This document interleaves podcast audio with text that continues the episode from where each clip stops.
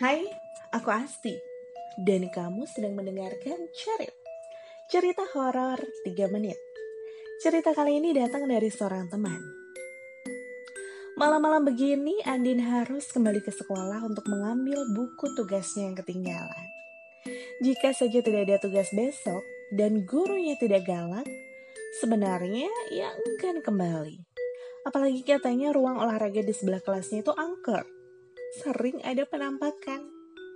Untung kelasnya di lantai satu, karena kabarnya lantai dua lebih seram lagi.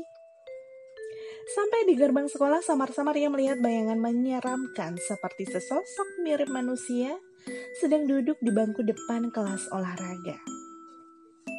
Cepat-cepat menuju kelas setelah meminjam kunci dari penjaga sekolah.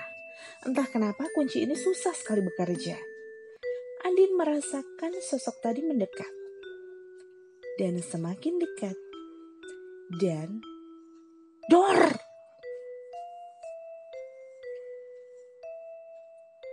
Pundaknya ditepuk sangat keras.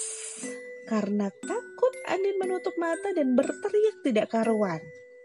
Sosok tadi tertawa. Tunggu, suaranya ia kenal. Perlahan Andin membuka matanya dan ternyata itu Dodo. Sahabatnya.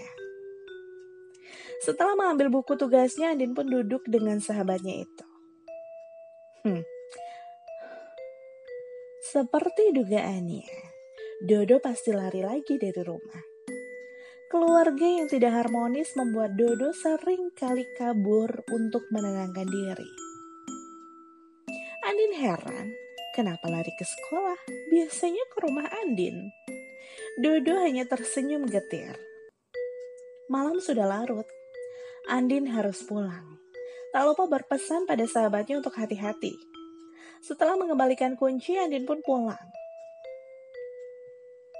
Sesampainya di rumah, ia terpikir untuk menelpon orang tua Dodo agar tidak khawatir. Ketika telepon tersambung, suara Dodo yang ada di ujung sudah pulang rupanya. Andin bertanya, secepat itu hatinya tenang. Dodo bingung. Apa yang dibicarakan dan diceritakan Andin sangat tidak masuk akal.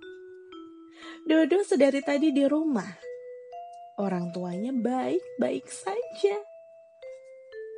Lalu, siapa Dodo yang di sekolah tadi?